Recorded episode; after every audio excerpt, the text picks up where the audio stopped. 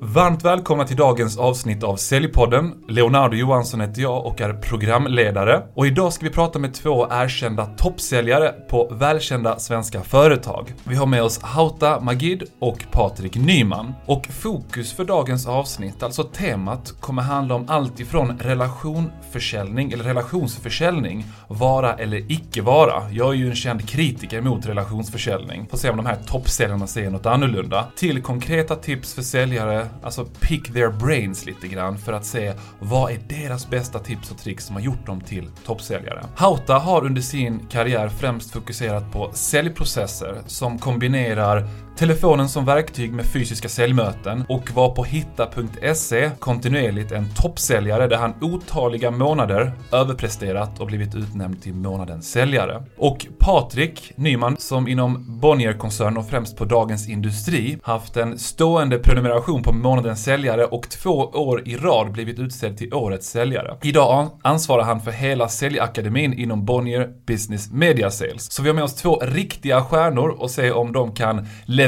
enligt förväntan här. Känn ingen press grabbar. hur härligt som helst. Eh, men innan vi sätter igång så vill jag bara poängtera att vår huvudsponsor, Säljarnas Riksförbund, gör det möjligt för oss att sitta här idag och avnjuta varandras sällskap med massa härliga tips och tricks. Så tack för det, Säljarnas Riksförbund. Och jag tänkte inleda med den här klassiska frågan. Om vi börjar med Hauta som sitter här på min vänstra flank. Vem är du med egna ord?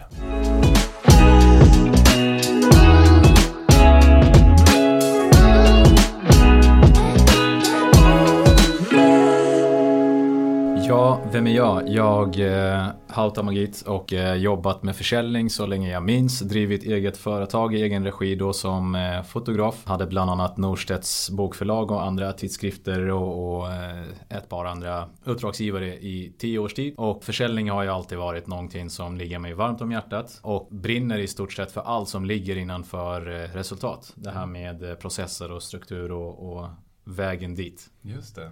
Så från fotograf till en av Sveriges bästa säljare.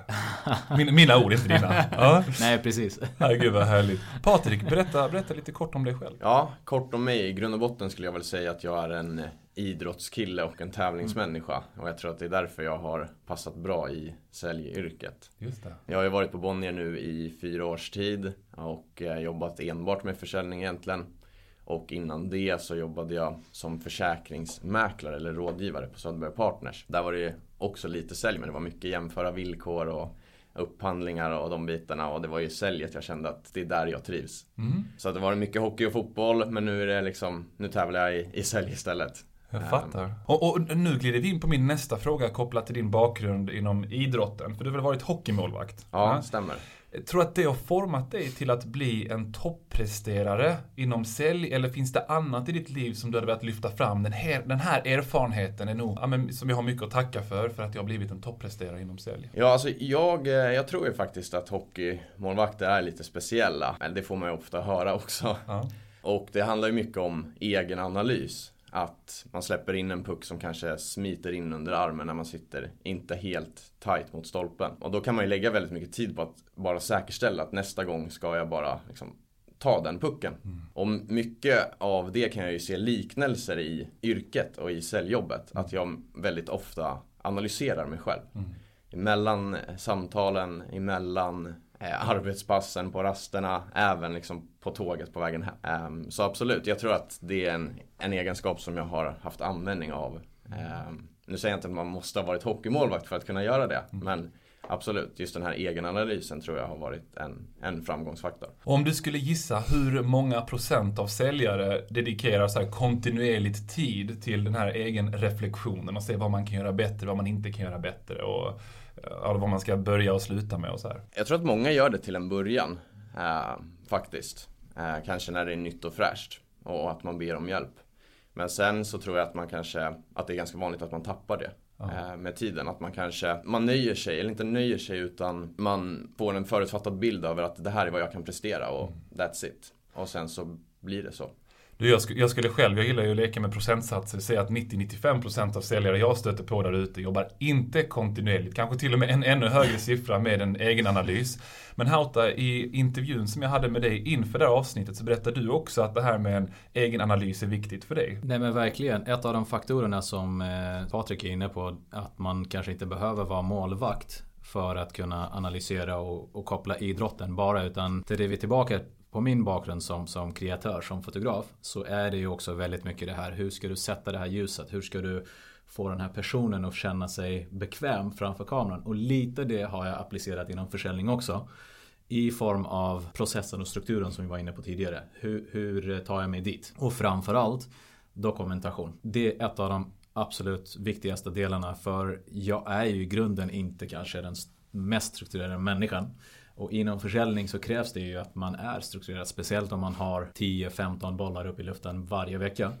Då handlar det väldigt mycket om att gå tillbaka. Hur kan jag kopiera det som jag gjorde bra förra veckan på den här mm. veckan och så vidare. Så hela tiden analysera kopplat till målsättning och så vidare. Just det. Och är det den erfarenheten som fotograf och hur du hela tiden behövde vad ska man säga, vara en perfektionist för att hitta det perfekta ljuset, kanske till och med analysera bilder i efterhand och sånt. Är det den erfarenheten eller finns det något annat du vill lyfta fram som har gjort dig till den toppresterande säljare som du är idag? Jag skulle säga det är ett av de delarna. Men eh, ett av de absolut viktigaste delarna är ju framförallt att man har ju ett mindset som heter duga. Mm. Det vill säga hur kan du i enlighet med bolagets målsättningar komma fram till hur kan jag, hur kan jag göra det resultat men också applicera dubbelt så mycket. Mm -hmm. Det vill säga, det, det, krävs att man har en struktur. Någonting som jag gör varje morgon det är att jag eh, går upp, tar en 10 minuters en kvarts promenad. Mm. Bara liksom för att starta dagen med, eh, med en positiv mindset. Liksom. Mm. För oavsett vad så är vi ju trots allt människor. Men eh, när du vill, när, när, du har ambitioner som gör att så du verkligen vill leverera på topp. Då handlar det om att ha en kontinuitet. Så jag skulle säga kontinuitet och mindset men framförallt dokumentation. Att du dokumenterar din dag. Från att så här, idag ska jag göra det här och det här och sen följer du upp det i slutet av dagen. Till exempel om du ska boka fem stycken möten på en mm. måndag. Så att du verkligen sätter upp målen för dig själv men också talar om det för någon annan. Det där är spännande. Jag vet mm. Patrik i intervjuerna inför det här avsnittet så berättade du att det här med målsättning har varit en viktig del för dig. Ja, bakåt i tiden. Jag har jobbat väldigt mycket med mål. Det är klart när jag kom in eh, som ny säljare så var det jättesvårt att sätta upp mål för att mm. jag, jag, visste ju inte vad jag själv kunde uppnå. Mm. Eh, men då var väl grundmålet att liksom bli bäst. Det var första målet mm. såklart. Sen har jag jobbat väldigt löpande med målsättning. Och det har varit en, en ganska viktig del för mig. Dels att skriva upp mina mål hela tiden på ett papper just för att medvetgöra det omedvetna så att jag mm. alltid jobbar mot det. Det kan ha varit allt ifrån långsiktiga mål till kortsiktiga mål. Allt från humörsmål till karriärsmål, rubb och stubb egentligen. Så det har jag jobbat väldigt, väldigt mycket med under de här åren egentligen och det gör jag än idag. Jag har jobbat mycket efter den här MAP-modellen mm -hmm. i mhm. tre steg. Okay. Eh, där den första liksom, nivån är min lägsta acceptabla nivå. Och MAP 2 är den som jag känner mig nöjd med. Och MAP 3 är liksom nästa steg och det är mitt drömscenario. Och den har jag jobbat väldigt mycket efter och jag har också reviderat mina mål löpande. Har jag haft en tuff månad där jag inte kommer nå mina mål och jag känner att just nu så de här målen som jag har satt upp, de hämmar mig bara. De hjälper mig inte utan det bara, de bara skälper mig. Då har jag reviderat dem. Okej, okay, men vad är ett rimligt mål för de här fyra dagarna som är kvar? Eh, och sätter upp i tre steg då. Det, det, här behöver jag lösa för att känna mig nöjd de sista fyra dagarna. Och samma sak åt andra hållet. När, man, när det har gått bra mm. så har jag också satt upp nya mål. Så jag har jobbat väldigt mycket med det.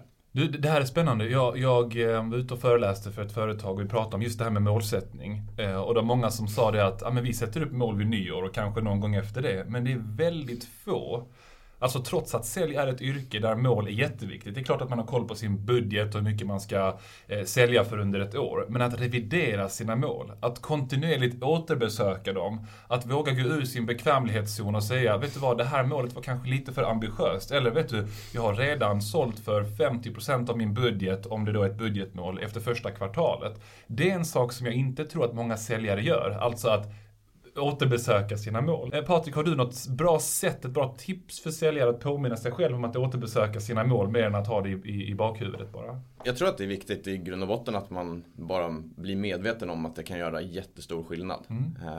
För när man väl har gjort det då kommer det per automatik, man märker ganska snabbt att det ger resultat. Mm. Och då tror jag att man kommer jobba med dem mer kontinuerligt. Jag har flera fall där, där jag har gått mot en, där jag har haft jätte, jättebra resultat. Men mm. i mitt huvud har det känts som ett, en väldigt, väldigt dålig månad. Okay. Och eh, liksom gått ut över det privata och känt mig frustrerad för att jag kommer inte sätta det här drömscenariot som mm. jag liksom har satt upp och alltid velat nå. Och då har jag liksom behövt bryta, okej okay, men nu, nu behöver jag revidera mina mål och sätta mm. upp i nya steg för att jag ska känna mig nöjd med månaden även fast det kanske inte blir det här toppscenariot. Fattar, fattar.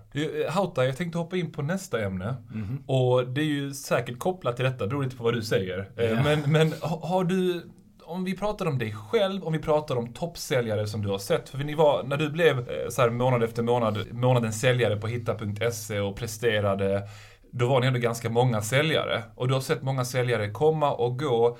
Om du skulle nämna ett par saker som du känner generellt sett särskiljer de allra, allra bästa säljarna från andra. Berätta, vad skulle det vara för någonting? Jag skulle nog säga framförallt på riktigt ta sitt mål seriöst.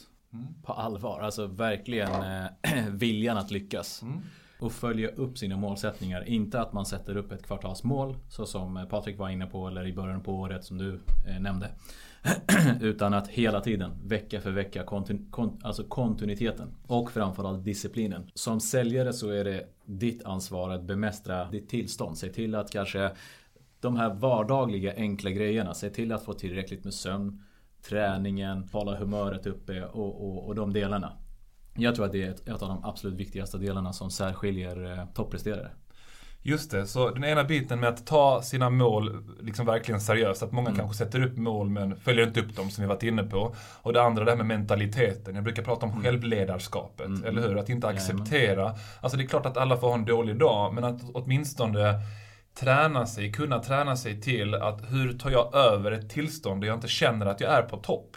För att varje dag då man inte är på topp eller åtminstone har en relativt hög lägstanivå, mm. då kommer det verkligen påverka ens slutresultat i säljet. Ja. Finns det något annat du tänker på förutom de här två bitarna som toppsäljare generellt sett besitter? Jag skulle säga att för min del så har det varit de två de, eh, de delarna. Mm. Eh, det finns säkert hur många andra delar som helst men, men eh, Personligen så har det varit mitt sätt att föra mig framåt. Mitt sätt att verkligen överprestera. Mm, fattar. Pa Patrik, berätta. Vad, vad, vad, har du för något eh, spännande här? Alltså, håller du med om, om ja, hans... Eh, är, är de här två sakerna också bland dina topp tre prioriteringar? Båda två alltså? Absolut, det Okej, okay, häftigt. Då lyckas jag pricka rätt här. Absolut. Nej men och ofta så är det ju många upplever jag som vill mycket. Man vill mm. prestera. Mm. Men mm. sen är man kanske inte villig att göra de här sakerna som Hauta är inne på. Mm. Eh, gå upp en kvart tidigare, ta en liten promenad, ha strykt skjortan, vad vet jag. De här små sakerna, komma in tidigare, en kvart tidigare till jobbet istället för att komma två minuter innan vi börjar. Och liksom vad, de här små sakerna tror jag är en framgångsfaktor. Och såklart målsättning, nu har jag tjatat om det länge men det är någonting som jag är helt övertygad om är viktigt. Mm, mm. Vi jobbar ju med det dagligen med allt ifrån vad säger prognosen idag, vad är ett rimligt veckomål, månadsmål, kvartalsmål och mm. så vidare. Jag skulle vilja tillägga med, eh, du frågade om det fanns någon fler där. Eh, jag skulle säga träning. Okay. Träning behöver inte handla om eh, löpträning eller, eller stå på gymmet och, och liksom så. Utan träna i försäljning. Okay. Och det behöver inte betyda att man behöver liksom lägga en, två timmar per dag. Utan en rutin som jag har haft tid, alltså som jag gör varje dag i stort sett. Eh, där jag för. Har jag tränat idag har jag inte gör, gjort det. Och det mm. kan handla om 10 minuter. Man tittar på någon TED-talk, man lyssnar på någon podd. Alltså, hela tiden att du håller dig uppdaterad. För tittar man på det vi kan idag. Eh, enligt World Economic Forum så behöver man hela tiden uppdatera sig. Det vill säga 50% av det vi kan idag är inte relevant om 3 5 år. Så träning och sen framförallt det här med dokumentationen. Mm.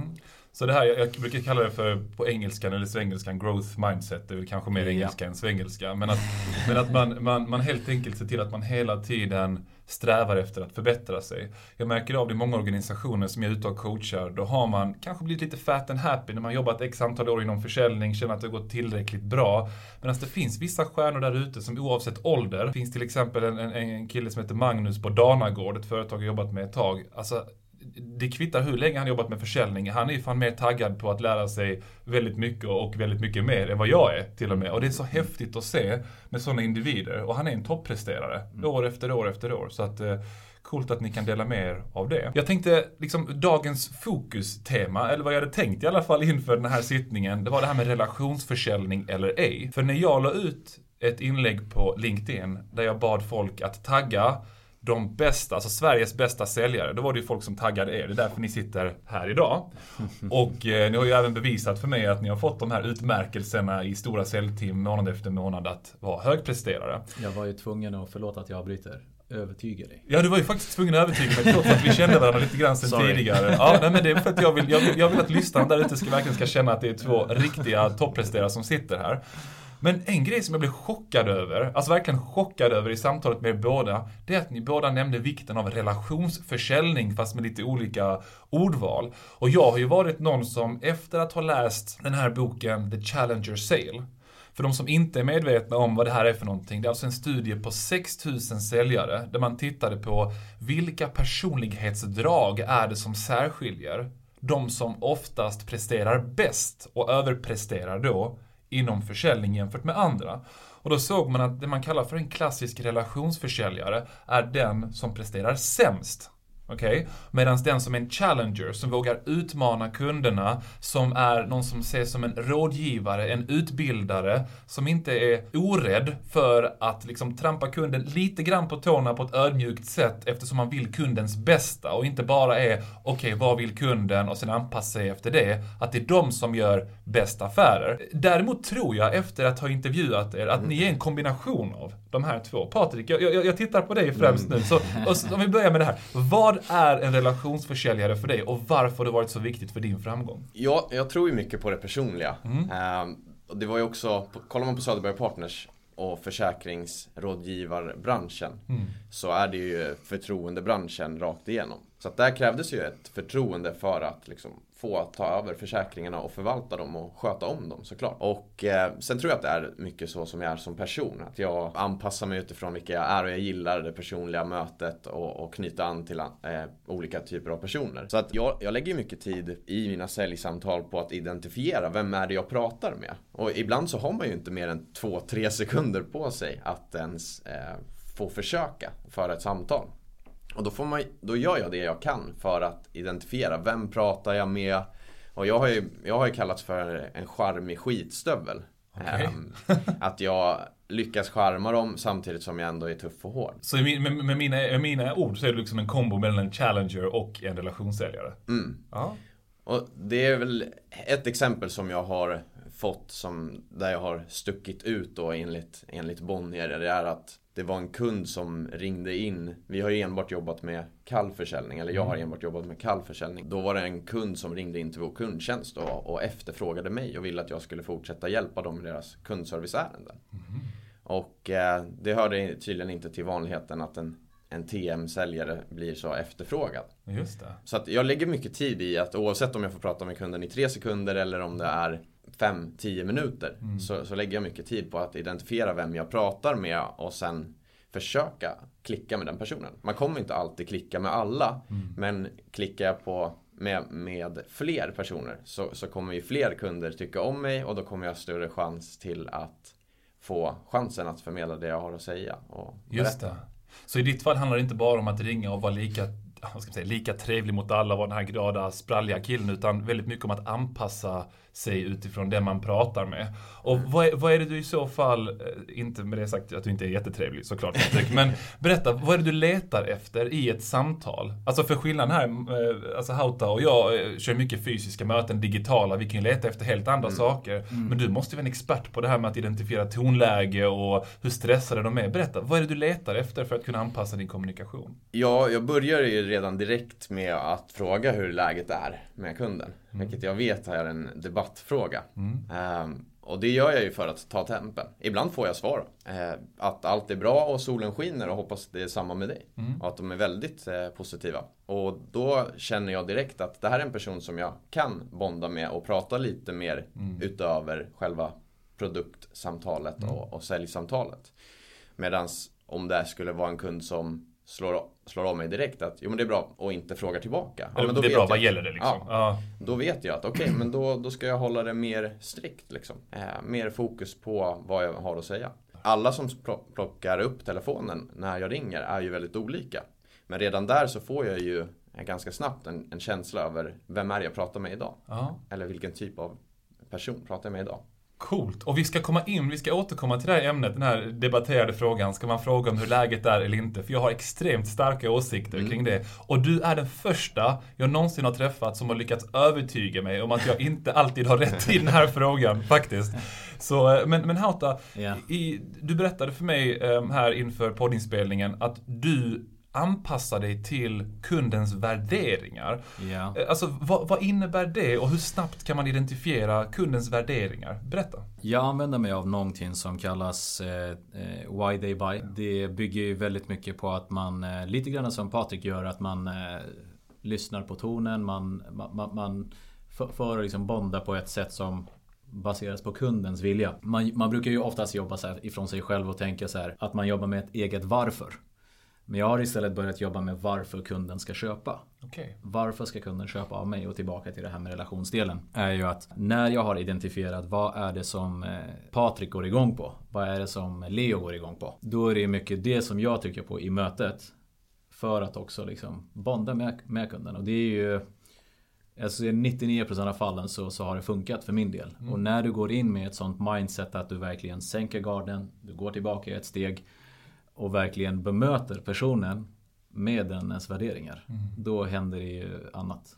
Så en gemensam faktor här är mm. att ni på kanske lite olika sätt försöker väldigt tidigt i säljprocessen identifiera vad går personen igång på? Eller hur vill personen att vi ska kommunicera med dem? Istället för att bara ha ett standardläge ni alltid kör på och ja, men sen liksom håller tummarna för att det ska funka.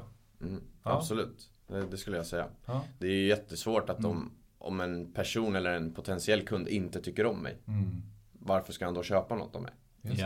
Um, så att där gäller det ju att försöka anpassa sig lite som en kameleont. Prata med en bonde på ett bondes vis, eller ja. hur uttrycket går. Just det, precis. Ja, jag är själv riktigt kass på sådana uttryck. så att jag, jag låter bli att, att bekräfta eller dementera om det var... Nej men apropå om vi går tillbaka till den där som du var inne på att du hade blivit kallad någonting där. En charmig skitstövel. Exakt, ja. en charmig skitstövel. Apropå det så har jag mött väldigt många gånger där man liksom möta personen på deras värderingar där de säger så här. Men för idag börjar ju liksom många produkter likna varandra. Produkt med bo bolag synkar ju inte utan det är oftast självklart beroende på hur stor affären är och hur snabbt eh, säljcykeln är. Eh, så handlar det om att men, alltså, ofta så personen ska ju gilla dig också. Ja, det. spelar ingen roll hur bra en produkt är om inte du connectar med personen rätt. Fattar, mm. fattar. För det där är ju också det här med relationsdelen som vi var inne på. Gud vad spännande. Du, jag tänker att innan vi, vi går liksom djupare in på ämnet kring relationsförsäljning eller inte. Patrik, berätta exakt hur säger du det här ordagrant när du frågar om läget? Jag brukar säga så här. Hallå Leo, hur är läget? Allt väl med dig? Hallå Leo, hur är läget? Allt väl med dig? Så jag säger, hej det var Leo. Hallå, läge... Hallå Leo, hur är läget? Allt väl med dig? Ja, eller så här skulle jag nog säga då. Om du svarar skulle jag säga, hej det var Patrik från Dagens Industri. Ja, ja hej, hej. Ja. Hallå Leo. Ah, nej, men jag säger så. Hej, det var Leo. Ja, hej Leo, det var Patrik här, Dagens Industri. Okej, okay, ja. Hallå, hallå, allt väl med dig hoppas jag? Eh, ja, jo, ja, men det, det är väl bra. Det är väl bra. Okej, okay, bra. Så, så därifrån tar vi det. Och nu ska vi, nu ska vi analysera detta. Hauta, göra eller inte göra? Du som också är expert på kalla samtal. Fråga om läget eller inte. Vad säger du? Jag eh, frågar också. Okej. Okay. Gör jag. Eh, och eh, däremot så använder jag hej mer. Okej. Okay. Eh, och inte tjena tjena och inte hallå. Eh, inget fel eller rätt i det. Det är mitt sätt att nå fram. Ja. Och eh, jag frågar ju också, det är också framförallt för att ta tempen. Ah. Hej Leo, Hauta Magit här. Hur står det till? Just det. Och sen så redan där när svarar du mig och men tack det är bra, hur är det själv? Redan där känner jag okej, okay, bra. Alltså, du, mig, du, sänk, du, låt, du sänker garden för mig till att ja. fortsätta. Det är så här kort och bara, ja men jag har bara någon minut. Vad är det? Då, då går jag pang, pang, pang, rakt på sak. Anledningen till varför. Alltså att... ni chockar mig ni två. Helt ärligt. Ni chockar mig. Jag, jag, jag är här, jag, jag, är liksom helt stum. Varför jag sitter här helt stum, det är för att jag har förespråkat år efter år efter år. Jag har analyserat 1200 samtalsinspelningar i fem olika branscher, toppsäljare. Mm. Mm. Och jag har sett att det är nästan så fort man börjar fråga om hur är läget, hur står det till med någon som man inte har pratat med tidigare, som man ofta väcker en irritation. Och det är inte alltid kunden, för i Sverige är vi ganska trevliga. Jag är ju halv colombian. I Colombia hade de sagt typ så, jag ska inte säga vad de hade sagt, men de hade typ slängt på luren ganska snabbt. För de är, uttrycker vad de tycker och tänker kanske på ett annat sätt. Här vill vi vara lite trevligare. Yeah. Alltså att man märker på tonläget att kunden kanske känner det som jag brukar känna när en säljare frågar mig om hur läget är. Det är att mm du känner inte mig, du vill bara sälja till mig. Varför ställer du frågan om hur läget är? Mm. Och jag kommer återkomma till den här biten och sen både bekräfta och, och, och undersöka det här. Men Patrik, du berättade ändå att det finns de som försökt kopiera det här konceptet. Mm. Men inte alls har lyckats. Det, det, är väl lite grann av min, min egen analys av frågan. För att jag mm. vet ju att det är under debatt. Men det har ju funkat jättebra för mig. Och mm. ofta så kan jag bli chockad själv över hur öppna kunderna är fast det är ett kallt säljsamtal. Ja. Eh, solen skiner och det är hopp om det, huvudet upp och fötterna ner. Hoppas allt är väl. Men det är vart sitter ni någonstans förresten? Ja. De öser på redan direkt. Men min analys av det hela är väl att är man, känns det naturligt att säga och det känns bra om man är ja, lite relations, åt relationshållet mm. som person, eh, som säljare. Mm. Eh, då tycker jag absolut, kör på det och, ja. och, och, och eh, ställ den frågan. Är man inte det utan försöker kopiera någon bara för att ja, men det går bra för Hauta och han ställer den frågan, då ska jag också göra det. Ja. Då tror jag, eller då har jag märkt när jag har coachat säljare i, min, i mitt team att Helt plötsligt så får de frågan, är du någon läkare eller varför undrar du eller ja. varför, varför bryr du dig eller ja, vad gäller det? Den ja. kommer direkt. Men jag kanske fått två eller tre negativa svar om vi bortser från de här korta liksom. Men mm. det, det, ser jag inte som något negativt. Men kanske två eller tre negativa responser ja. åt det hållet under de här fyra års tiden som jag har ringt. Så ett säljare som lyssnar på detta där ute, som har funderat, ska jag eller ska jag inte ställa den frågan? Så kan man säga att testa det fram. Mm. Är du någon som får det här att låta väldigt naturligt och ändå, som du säger Hauta, jag är också inne på ditt spår, professionellt. Hej istället för tjena och så här, för det blir mm. kanske lite för mycket för vissa. Yeah. Ha ett liksom stabilt utgångsläge. Och sen så skulle jag ändå säga, om jag får lov att välja vilken approach, att Patrik, när du säger så här är allt väl? Alltså typ mm. så, hej hur står det till idag? Är allt väl? Då känner även jag som en, alltså så här inom situationstecken, upptagen beslutsfattare som är lite, vad ska man säga, har inte jättemycket tålamod, att då är det okej. Okay. Då kan jag ganska snabbt säga, jo men, det, jo men det är bra, berätta vad gäller det? Istället för att du säger, tjena, hej hur är läget idag? Då blir det mer så här, ah, oh, nej, inte ytterligare en säljare. Mm. Så att jag tror att den approachen funkar rätt bra. Hauta, vad, vad har du för slutgiltiga synpunkter på den här biten, att ställa frågan eller inte? Nej men jag tror det handlar verkligen om att sticka ut och göra någon, någonting som alla andra inte gör. Mm. Helt plötsligt så blir det unikt i sättet när du är inne på så här, men man har analyserat 6000 säljare på det här sättet och det är fel att göra det. Mm. Det är klart att jag tänker ju också så här, om jag sitter som VD på det andra bolaget, oftast är det marknadschefen, VDn som jag har haft dialoger med. Mm. Speciellt när jag, den tiden, de tre åren som jag jobbade på Hitta då. Hur vill jag bli bemött när en säljare ringer? Med det mindsetet i varje samtal. Just det. Ett, två är att nu under liksom senaste två åren med pandemin och nu allt som sker. Det är klart att bara säga en check, mår du bra? Är, ja. är allting bra? Man, man har ingen aning om. Sitter personen hemma? Är den på kontoret? Folk svarar ju och speciellt när man sitter i den befattningen med kanske 30, 40, 150 ibland 500 anställda så vill man ju säkerhetsställa. Känns allting bra? Vilket också är tillbaka till relation och, och, och, det här personliga. Alltså det, det är rätt spännande. Eh, jag kan ju bara dra slutsatsen här själv att en sak, jag bara, om jag ska leka djävulens advokat eh, med mig själv. En sak man verkligen kan tjäna på detta, det är som ni säger att snabbt analysera hur pratglad eller trevlig är kunden? Hur mottaglig är den med det här samtalet? Hur ska jag förhålla resten av min pitch i det här samtalet utifrån kundens alltså tonläge? Jag har ju klassiskt och historiskt sett gjort det, på, gjort det på ett annat sätt. Att ganska snabbt när jag då säger ja, men jag läste det här på er hemsida och det här fick mig att vilja bolla en idé med dig, lite kort. Och där se, ja, vad gäller det? Alltså tolka mm. kundens svar. Det har varit mitt sätt att göra det på utan att riskera att jag hamnar hos någon som känner att vem är du? Är du någon läkare eller? Eller hur? Mm. Men vi har alla olika sätt att göra det på. Häftigt. Verkligen, verkligen. Det är ju en sak. Och det andra är som du säger att men kanske framförallt under pandemitider och liknande, man visar lite respekt för hur de faktiskt mår och om de har tid att prata så kan det funka om man får det att låta naturligt. Jag tänkte fråga lite mer om det här med relationsförsäljning. Eh, Patrik, har du något annat konkret tips till säljare där ute som vill bli ännu bättre på relationsförsäljning? Är det någonting du tänker på förutom att lyssna av tonläget och liknande? Är det att försöka vara, liksom, ha med några humoristiska moment eller att, jag vet inte, är det någonting du tänker på med relationsförsäljning som är relevant här? Mycket handlar väl om, skulle jag säga, att liksom faktiskt vara medveten om det. Vill man bli mer personlig så behöver man tänka på det. Konkret så såklart lyssna efter tonläge, skämta med eller slänga in ett skämt när det passar. Kanske det funkar kanske inte lika bra till alla personer utan mm. då är det kanske någon som själv har öppnat upp för det. det. Att säga jo men det är snart helg eller vad vet jag. Ehm, men att man helt, helt enkelt, det är väl det absolut bästa tipset. Att man faktiskt är medveten om det om man nu vill bli mer personlig. Och jag tänkte på en grej där som du sa, det här med att skämta till det om kunden kanske har öppnat upp för det. För många mm. säljare som ringer mig och Oskar Kallringen, och ett litet konsultföretag liksom, men då skämtar de och drar skämt och skämt även om jag inte reagerar på det och mm. jag känner mig stressad. Mm. Så att om du ska skämta, försök ha min rekommendation, skämtet på en lagom nivå. Eller ja. en lagom nivå så att du inte riskerar att bli uppfattad som oseriös. Alternativt vänta på att kunden har dragit ett skämt så att du vet vilken nivå du ska lägga det på. För att mm. annars kan du riskera ganska mycket i samtalet. Hauta, har du något speciellt eh, så här, ytterligare tips för de som vill bli duktiga på det här med relationsförsäljning? Nej men definitivt. Nu jobbar jag och Patrik eh, olika även fast jag använder telefonen till att boka möten, till att följa upp och hela den processerna så självklart så använder jag mig, jag, jag skämtar inte så mycket i, i, mm. i, i samtalen och telefonen. Mm. Utan det är mer på själva mötet. Eh, man kan, det kanske är vid kaffemaskinen att man drar någonting än att man bondar på det sättet. Så i telefon har mitt fokus varit att boka in ett möte. Tillbaka till relation så handlar det väldigt mycket om att litar inte den här personen på mig så kommer inte den handla om mig. Mm. Även fast produkten kommer att förbättra deras vardag, kommer att öka deras försäljning. Deras säljare kommer att prestera 20-30% bättre så handlar det om att, för jag representerar ju det bolaget. Yeah. Vilket också innebär att tillbaka till identifiera personens värderingar på det sättet att bygga relationer. Och såklart personligen, jag har haft lägen där man sagt så här, ja men så här, jag, jag, köper för att det är du. Okej, okay, men produkten då? Ja, precis. Jätte, jättekul. Och där och då ska du använda och fråga referensförsäljning där.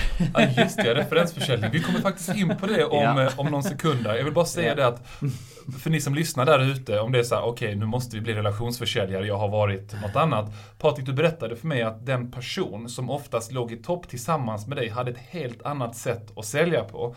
Mm. Eller hur? Kanske Absolut. var lite mer mm. den här klassiska telefonförsäljaren, ja. eller hur? Och inte pushig skulle man inte kunna säga, men kanske lite mer rakt på sak, inte så mycket relation utan. Eller? Eller hur skulle ja, du? absolut. Jag skulle säga att åt raka motsatsen. Raka motsatsen? Helt, helt opersonlig. Bara nästan kortare än kunden när kunden svarar. Just det. Så, så ni som har tagit, ni som har betalat mig för rådgivning kring vilken typ av säljare ni ska rekrytera. Lyssna inte bara på mig utan lyssna även på Patrik och Hauta här om att relationssäljare, så länge de vågar vara lite tuffa också, eller hur? Utmana mm, kunderna. Och, och, för, det, för det här är också en grej Hauta, när du sa så här, ja om en studie visar detta så på 6000 säljare. Grejen är att den här studien säger ju inte att relationsförsäljare suger. Utan vad den säger det är att den typen av säljare som alltid tänker liksom, och kunden har alltid rätt, vi ska anpassa oss till kunden. Man kanske inte vågar riskera en liten friktion i relationen för att kunna övertyga och argumentera med kunden. Att det är de som inte alltid hamnar på topp.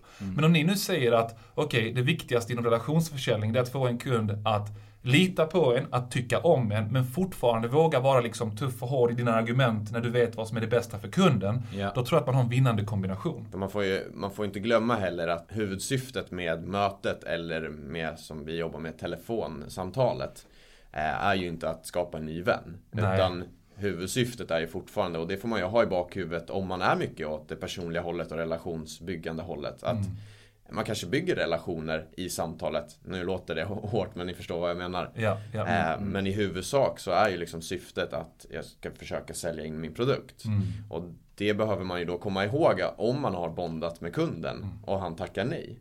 Det är där man behöver då ha lite skinn på näsan och kliva på. Sen där har man ju då kanske möjlighet att göra det på ett charmigt sätt. Just det, just det. Ja. Inte bara vara tuff utan även liksom charm, ja. charmigt, eh, eller charmigt tuff. Mm, och det är där jag ser att man, man kan ha användning av det om man har lyckats med det i samtalet. Just det. Ja men Jonas, du sa ju till mig i inledningen av samtalet att du tycker att det här är viktigt för dig, eller hur?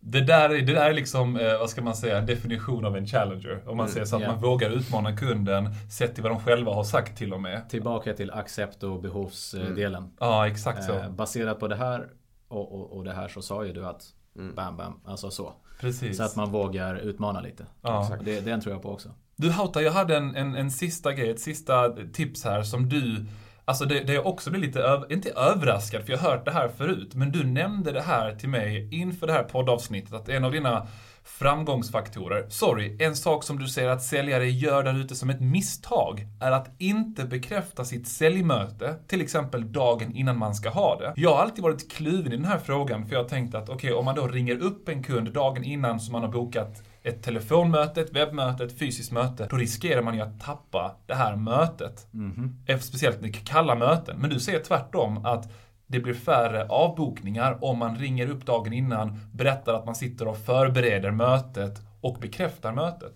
Berätta lite om den erfarenheten du har. Nej men absolut. Nej men verkligen. Alltså ett av de grejerna till att nå toppresultat handlar ju främst om att vara otroligt noga med sin tid. Mm. Eh, båda kundens, de gånger som en kund tackar nej till ett möte i samtal så brukar jag gå tillbaka till att både din, så här, men jag, jag, det här låter intressant men jag har inte tid. Mm. Tillbaka till att både din tid och min tid är ju dyrbar. Så att när jag ringer Leo och förbereder honom på att men imorgon klockan nio då ses vi, jag kommer förbi, det var Hauta här ifrån. Så jag sitter här och förbereder inför vårt möte så att jag sätter ett ytterligare touchpoint och frö i kundens eh, huvud, liksom. huvud ja. med att eh, det här är inget informationsmöte vi kommer ut till utan det här är det är ett affärsmöte. Vi ska se till att applicera det här för er för att ni ska lyckas ännu bättre. Du, det, det, där, jag tror att det där är en vinnande faktor i den här biten med att ringa upp dagen innan. För att om man bara ringer och säger att ah, men hej, jag vill bara bekräfta vårt möte imorgon. Då kanske man riskerar att kunden säger att ah, jag har fått lite för mycket att göra. Det, det hade nog någon riskerat med mig om någon ringde upp mig. Men om du då säger i samband med detta, jag sitter och förbereder vårt möte. Eller jag, jag har suttit här en, en, en halvtimme och, och preppat mm. vårt möte och, yeah. och, och ser fram emot det imorgon. Jag vill bara bekräfta så att det blir av. Då hade jag känt ett dåligt samvete till och med av att ställa in det här mötet. Så att jag tror att det är en vinnande faktor om Definitivt. man då ska ringa och bekräfta det. Och det är ett av de faktorerna till varför jag gör det också. Ah. Men framförallt det här fröet som du, och sen så flera touchpoints. Just det. Så att, och det där är ju ännu viktigare. Om jag ringer upp dig och bokar ett möte med dig och mötet är om två och en halv vecka. Ja. Då är det ytterligare en viktig faktor så att du och jag har flera touchpoints och att jag håller dig varm fram tills att du öppnar upp dörren, bjuder på kaffe och vi sätter oss liksom, i konferensrummet. Vad häftigt. Och hellre det, hellre få en avbok än att du sitter i bilen eller sitter i Zoom och, och väntar in och så händer ingenting. Det... Ja, men, ja. Jag tänkte, alltså jag är otroligt tacksam för att ni kunde komma hit idag. Och eh, ja, men vi har hållit på en, en bra stund här och massa konkreta tips. Jag tänkte ge ett försök att summera de allra viktigaste lärdomarna från dagens session. Alright, shit, nu blundar jag här och ska fokusera. En viktig sak ni pratade om båda två, det var det här med målsättning. Att inte bara sätta upp mål, utan vikten av att kontinuerligt revidera målen, följa upp sig själv och till och med, sa du Hauta, ta upp det här framför andra så att man kan känna sig, eller hållas ansvarig för sina mål. En annan bit vi pratade om, det var alltifrån eh, liksom, din hockeymålvaktsbakgrund, att analysera i efterhand vad kan jag göra bättre? Alltså kontinuerligt analysera sig själv. Vad ska jag göra bättre? Vad ska jag göra mer och mindre utav i sin försäljning? Oavsett erfarenhet. En annan sak vi pratade om det var det här med vikten av att anpassa sin kommunikation till kunden. Att relationsförsäljning, att bygga förtroende och att få kunden att tycka om en kan vara ett vinnande koncept för att sälja mer och bli toppsäljare som ni har då varit under era karriärer. Och så var det massa andra härliga bra tips och tricks här. Så eh, jag är supertacksam för att ni kunde komma. Jag tänkte så här, innan vi avslutar vill jag återigen tacka vår huvudsponsor Säljarnas Riksförbund som erbjuder allt ifrån juridisk rådgivning till inkomstförsäkring till säljutbildningar till ett värde av över 40 000 kronor till sina medlemmar. Och i talande stund kostar det bara 299 kronor per månad att bli medlem. Så att eh, de vill jag verkligen höja till skyarna här. Och eh, Hauta, så här, om man vill ta kontakt med dig, varför tar man kontakt med dig och på vilket sätt? Varför man tar kontakt med mig Dels för att dela samma erfarenheter, Mm. prata försäljning, nätverka, hur kan vi hjälpa varandra, hur kan vi hitta nya affärer, hur kan vi hitta nya sätt. Och det behöver inte bara handla om affärer utan det kan också handla om att lära känna varandra. Mm. LinkedIn skulle jag säga, Hauta Magid. Hauta Magid. Eh, Jag länkar ditt namn här under avsnittet. Ja. Exakt, Eh, det är precis, det är inte det lättaste namnet. kanske. det, det är också ett av de grejerna som har blivit i, i samtalen. Det är väldigt få som kommer ihåg namnen så att det blir en icebreaker. Fattar, fattar. Yes. Men enklast är LinkedIn. Ja, bra. Patrik, berätta. Varför tar man kontakt med dig och på vilket sätt? Det är antingen om man vill eh, bonda lite eller Ja. eh, snacka lite sälj. Ja. Självklart. Eller vem vet, vi har ju precis öppnat vårt nya säljkontor i Eskilstuna här i första mars. Just det. Så har några platser lediga. Så att, eh, Alright, Är så du någon- raggar säljare här i Ja, podden. Helt absolut. underbart. Men du, du, och ni jobbar ju mycket med eventförsäljning. Är det någonting du kan prata om där? mm, vi jobbar ju i Eskilstuna då, på det kontoret så jobbar vi bland annat med försäljning av deltagarbiljetter Mm. till Bonniers konferenser. Eh, men också även prenumeration, försäljning av Just det. Dagens Industri. Spännande. Eh, kommer öppna upp. Yes. Ja men grymt! Ja men alltså stort tack båda två för att ni kunde medverka. Haft, ett, haft jättekul med er här. Så eh, trevlig lyssning där ute allihopa och prenumerera på podden vart du än lyssnar på den. Ha det så bra! Tack så mycket. Tackar, tackar.